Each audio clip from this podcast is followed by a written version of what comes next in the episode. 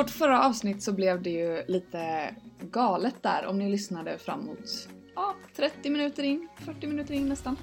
Ehm, men det som Jan sa var så bra och nu har vi fått tag på resten.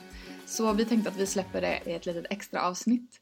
Så fortsättningen på de frågorna som vi hade och förklaringen om evolutionsteorin kommer här. Vi har ju en fråga kvar då. Evolutionen. Ja, eh, här har vi ett problem. I alla olika debatter så tar man, man tar en ateistisk biolog och man tar en präst som är intresserad av biologi och så ska man ha debatt för och mot evolutionen och det där blir ju alltid väldigt dumt. Eh, de behöver, med risk för att låta lite arrogant här nu då, så de behöver en kärnfysiker för att förstå frågan.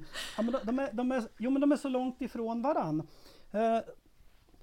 Jag, jag konstaterar ju då att evolutionen har urstark teoretisk grund och det är någonting man i en del fundamentalistiska kristna kretsar har glömt bort. Man har bara sagt att ja, men det finns inte tillräckligt mycket fossiler för att förklara och så vidare. Ja, men fossiler det är observationer.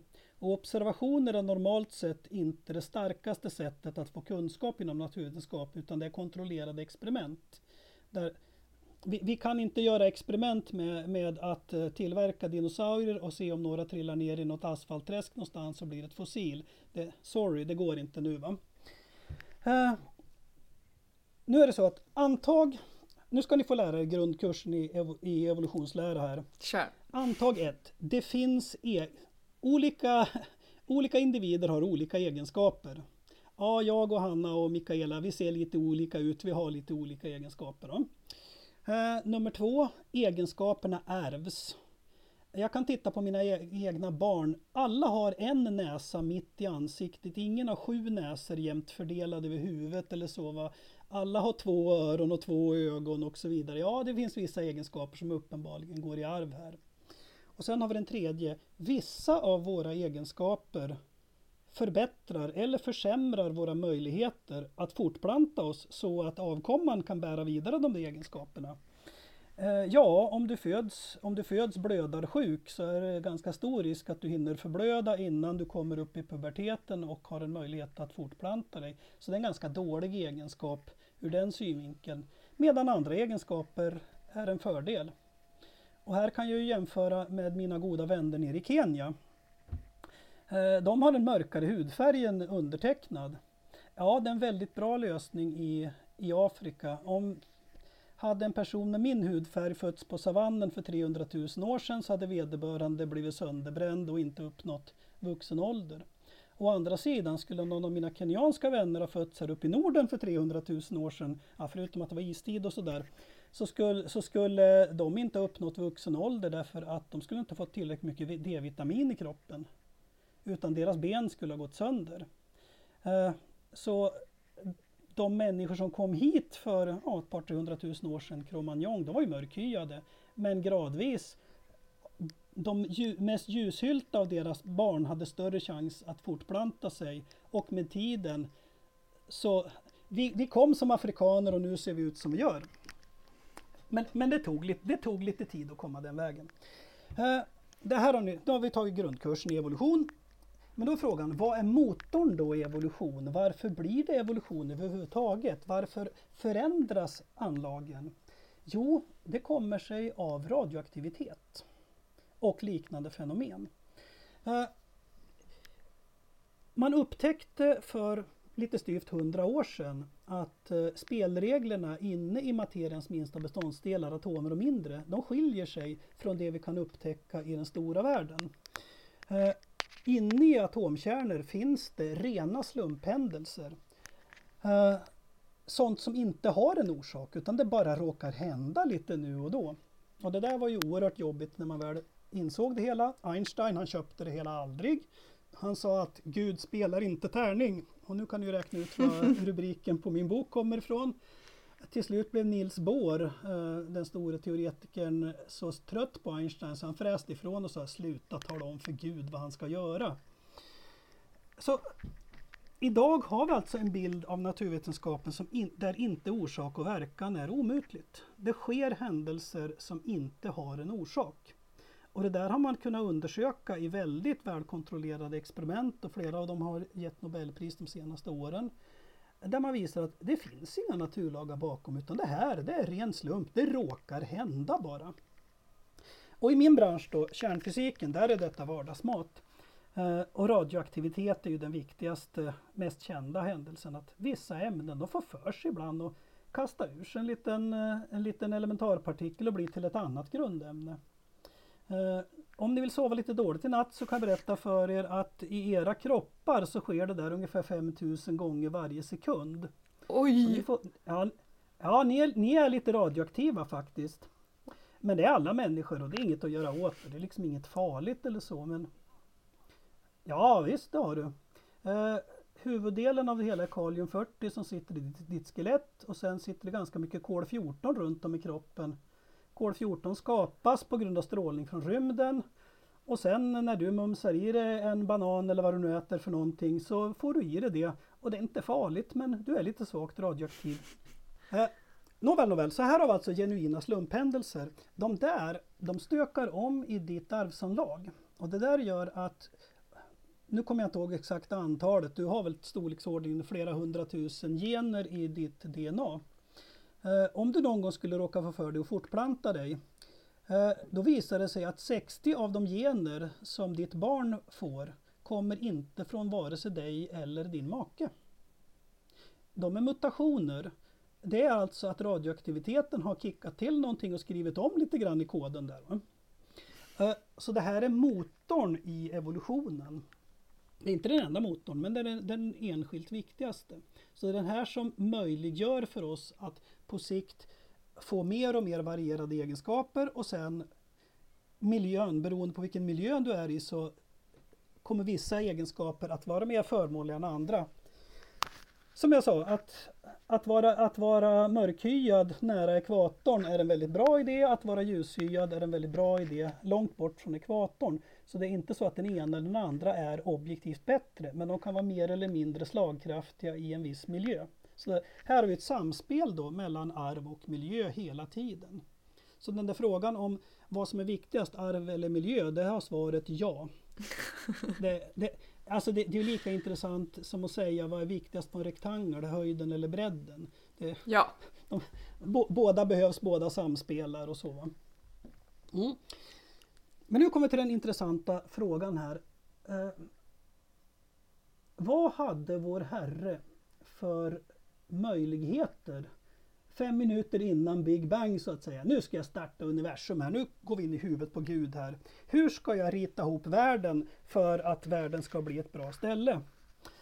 Uh, vi antar att Gud tycker att det här med kärlek är viktigt. Ja. Det tror jag de flesta kristna köper av Gud är kärlek. Då borde ju Gud vilja göra en skapelse som möjliggör kärlek.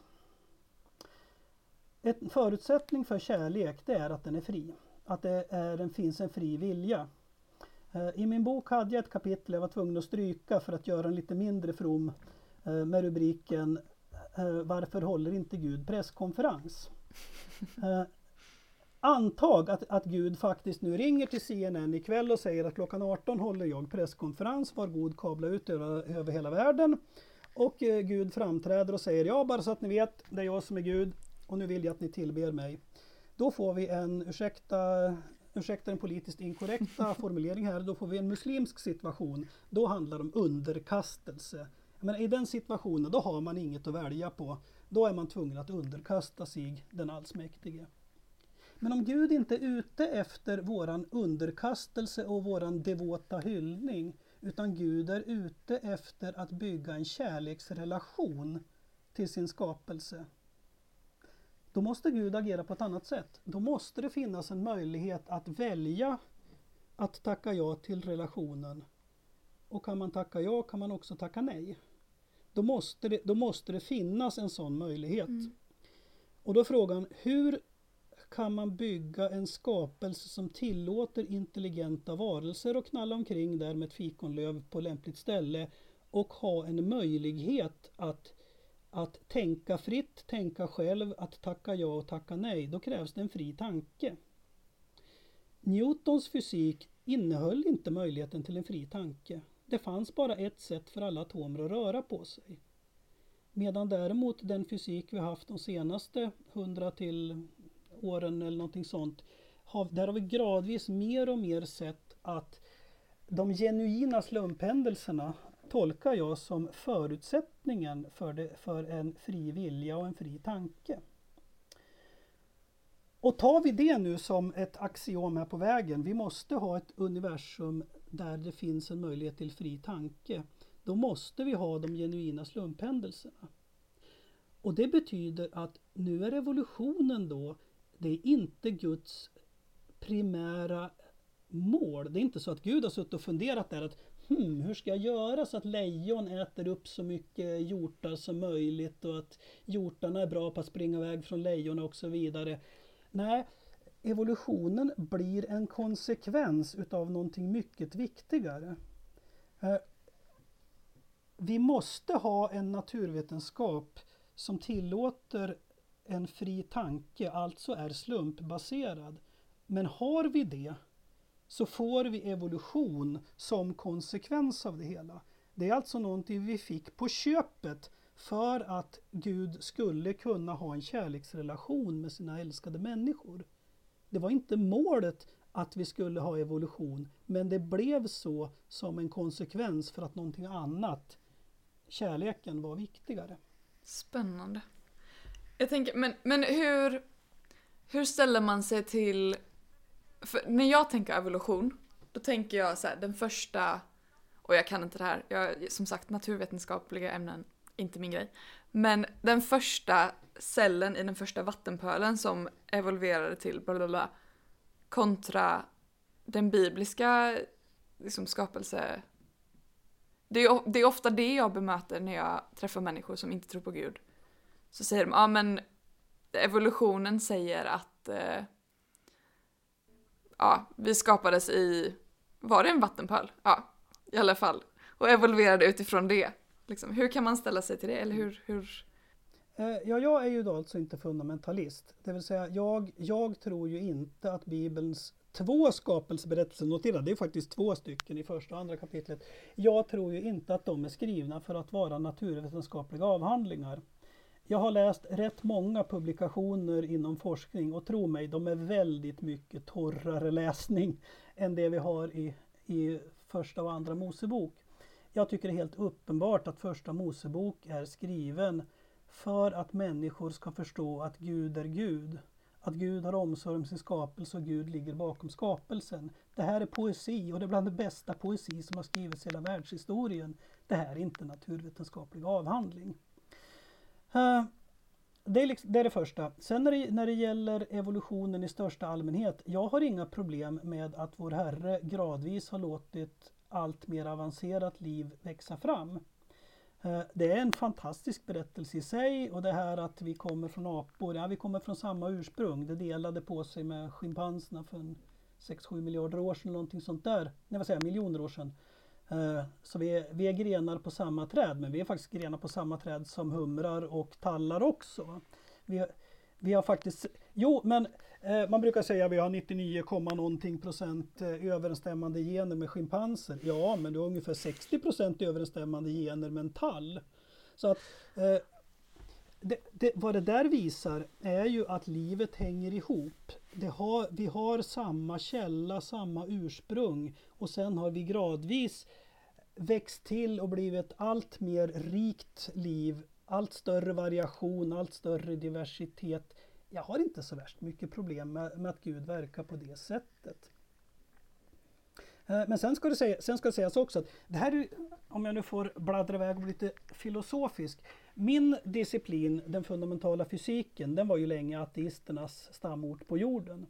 Men de upptäckter man har gjort eh, på senare år har gjort att allt fler har börjat på ifrågasätta det hela. Och många av de som har börjat på närma sig religiösa frågor, de har ju varit ateistiska fysiker som har skrivit böcker som har hetat Gud och den nya fysiken och i huvudet på Gud och såna här saker. De har egentligen inte varit kristna. men, men de har sett att den egna forskningsdisciplinen eh, har tappat, har tappat mark, har börjat trampa vatten, att man har hamnat i frågor man överhuvudtaget inte kan adressera. Och börjar då föra dialog med andra, framförallt då med, med tron. Idag är det så att eh, biologin, fram innan evolutionen så var ju biologin, det var ju, det var ju teologins bästa kompis. Titta vad vist skaparen har inrättat skapelsen och allting hänger ihop i fin harmoni och så vidare. Sen kommer då evolutionen och målar upp bilden av att naturen är ond. Att det som driver utvecklingen är ju de råa opportunisterna. Det lejon som lyckas äta upp flest små harpaltar är ju den som vinner kampen för tillvaron. Så att väldigt snabbt så gick naturen från att vara god till att vara ond. Och det där var ju ett svårt problem för teologin. Det var egentligen inget problem för teologin att naturen utvecklar sig så länge den gode skaparen ligger bakom det hela och flyttar om generna så att allting blir bättre. Men, men, men mekanismen, att det här var slumpmässigt och att det baserades på, på hård konkurrens. Det var ju mycket det som gjorde det hela så gräsligt jobbigt. Och idag, de ledande eh, ateisterna i världen, ateisternas överstepräster, om, man nu, om nu en sån titel är rimlig, ja, det är ofta biologer, det är Richard Dawkins och liknande personer.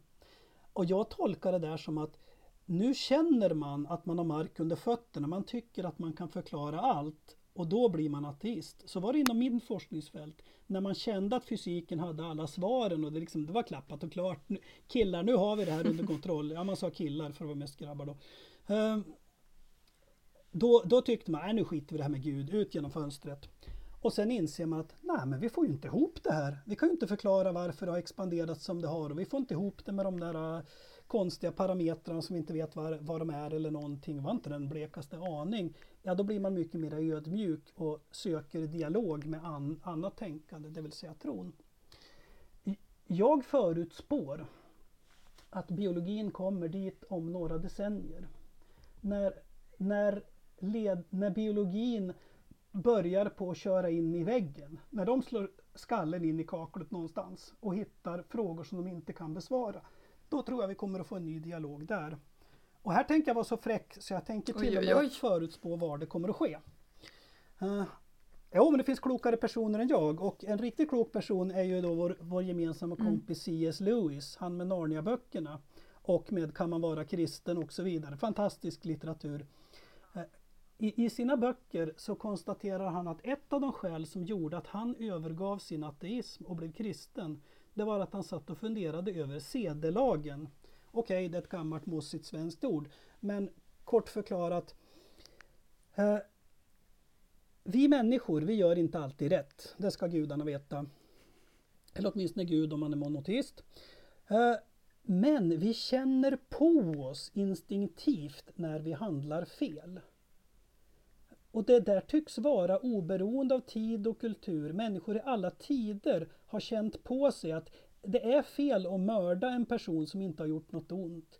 Det är fel att våldta grannens fru. Det är fel att ljuga om det inte finns ett bättre syfte. Det är helt, det är helt okej okay att ljuga när någon kommer och säger att jag tänker mörda din fru, var är hon någonstans? Att peka i fel riktning, det är okej okay i det läget. Va? Men vi känner ändå på oss att vissa saker är inte moraliskt rätt. Och då ställde sig C.S. Lewis frågan, det här att vi har en instinktiv förståelse för vad som är rätt och sant. Hur kan det vara på det viset i en helt och hållet materiell värld? Och den här frågan, den här stressar jag evolutionsbiologer med. Därför att alla förklaringar jag har hört, de har varit synnerligen krystade konstruktioner. Eh, det finns, du har ingen evolutionär fördel av att, av att tala sanning. Till exempel.